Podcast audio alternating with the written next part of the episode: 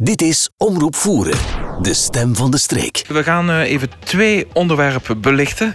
Uh, namelijk uh, één, er is een persconferentie geweest. Ehm, niet afgelopen vrijdag, de vrijdag daarvoor, hè, vorige week vrijdag.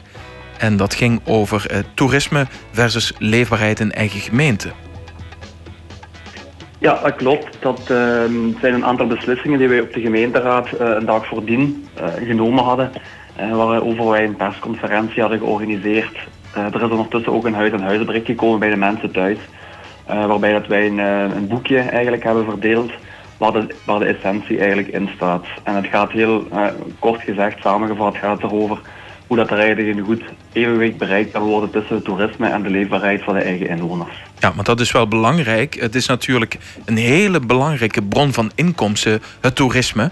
Uh, dus uh, voor iedereen is het fijn dat hier toerisme naar onze gemeente afzakken.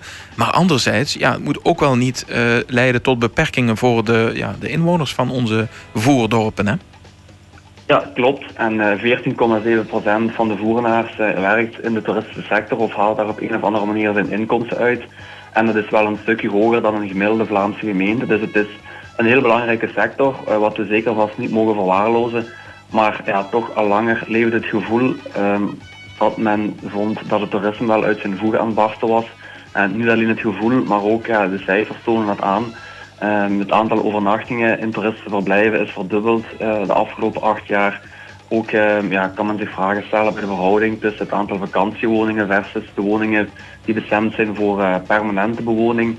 En ja, uit die gegevens hebben we toch wel een aantal eh, eigenlijk een nieuwe visie ontwikkeld en ook een aantal beleidsmaatregelen geformuleerd die ertoe toe moeten leiden dat dat duurzame evenwicht tussen toerisme en leefbaarheid er uh, zou moeten komen of gegarandeerd kan blijven voor de komende jaren.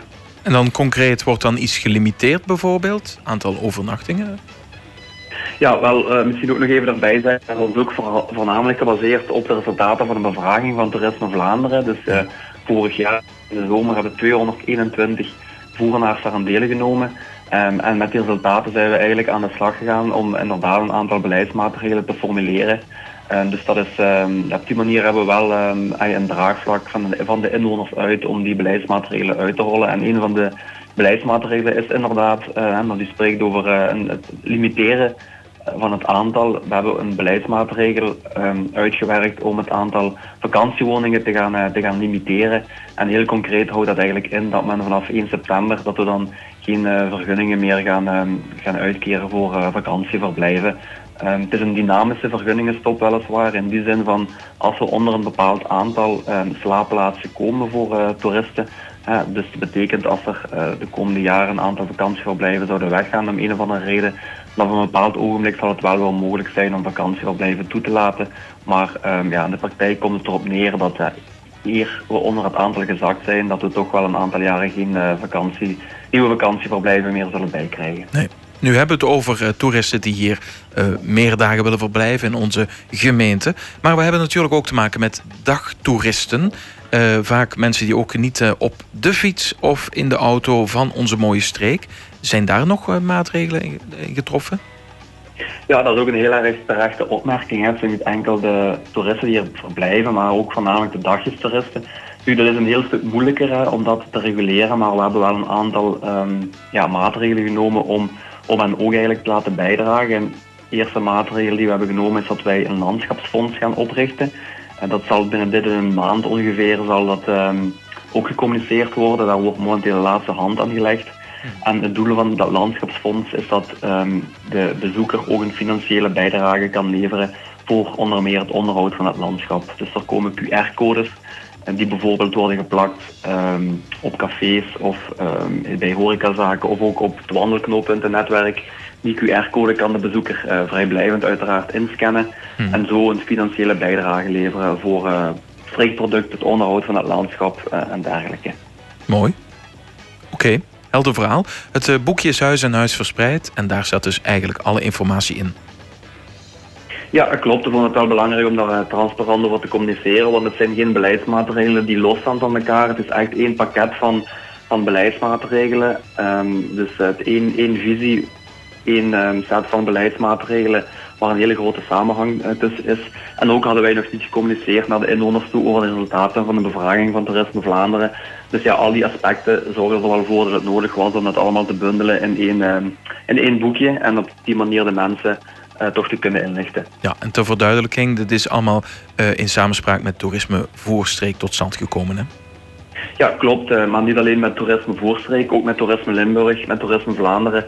Hebben We ook heel veel gesprekken gehad met, ehm, met uitbaters, met inwoners van Voeren. Um, ook met andere steden en gemeenten. Dus er is een, ja, toch wel een, een vrij uitgebreid voorafgaand onderzoek en voorbereiding aan vooraf gegaan. Heel mooi. We hebben nog even een tweede onderwerp, uh, namelijk, ik heb het in het eerste uur al voorgelezen, namelijk 12 Limburgse gemeenten bundelen krachten tegen geluidshinder van het vliegveld in Luik, Liège Airport.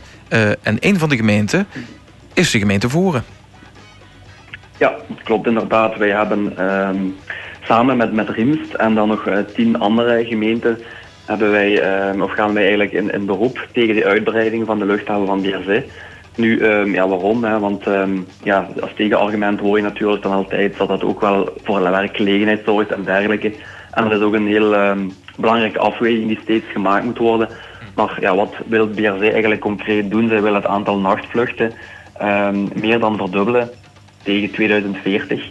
Uh, dus dat betekent dat er ook meer uh, nachthinder gaat komen, meer, meer lawaai. En een van de vliegroutes die gaat eigenlijk over Moelingen gaan. Uh, dus zij zullen dan de grootste overlast daarvan ondervinden. Maar uiteraard, dat geluid dat deint ook verder uit naar de omgeving, naar, naar de andere deelgemeenten van de Voeren. Dus dat is eigenlijk wel iets waar we toch wel aandachtig voor willen zijn en de belangen van de voerenaars op dat vlak ook wel willen, willen verdedigen dat hun nachtrust gegarandeerd kan blijven. Ja, er staat verder ook nog bij dat er één type is, een Boeing-type, de 740, die nergens anders meer kan landen, alleen op de luchthaven van Luik. Nou, dat zegt ook wel iets. Ja, dat is eigenlijk uh, het vreemde wat ze willen doen. Hè. Dat zijn allemaal uh, vliegtuigen, soorten vliegtuigen die men overal aan het bannen is. Mhm. Dat zijn zware vliegtuigen met zware motoren die heel veel geluid produceren. Uh, in alle luchthavens zijn men die aan bannen, maar uh, ja, BRC heeft het plan om die vliegtuigen wel nog toe te laten. Dus ja, je kan je daar ook wel vragen bij stellen, denk ik dan. Ja, inderdaad. Nu, dat zal nog wel een lang verhaal worden, neem ik aan. Uh, want uh, dit is eigenlijk een verzoek aan de Waalse overheid. Ja. Um, ja, goed. Um, het is natuurlijk moeilijk om in te schatten hoe, hoe, groot de kans is dat hier ook gehoor aan wordt gegeven. Maar uh, er wordt wel um, goed, de nodige aandacht aan besteed. En men, houdt, men, men, probeert alles eraan te doen. Zo heb ik het begrepen uit de berichten. Ja, dat klopt inderdaad. We hebben natuurlijk niet alles in de hand. Wat we wel in de hand hebben is dat wij onze stem kunnen laten horen en dat we in beroep kunnen gaan.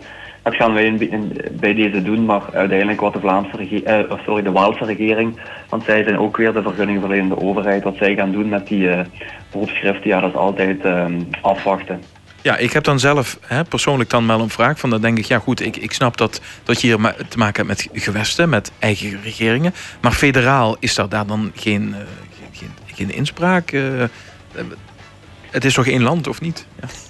Ja, uh, dat zou je denken. Hè. Uh, maar uh, ja, dat, het hangt, hangt, uiteraard af van de bevoegdheden. Hè. En ja, het, het, gaat over, over een stedenbouwkundig dossier.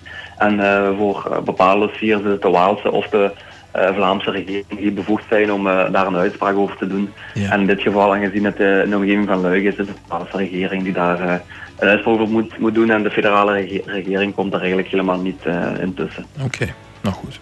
We houden het uh, in de gaten en regelmatig uh, uh, horen we graag wat, wat de stand van zaken is. Laten we het daar maar ja. op houden. Prima, okay. dat gaan we doen. Goed, hartelijk dank voor deze bijdrage.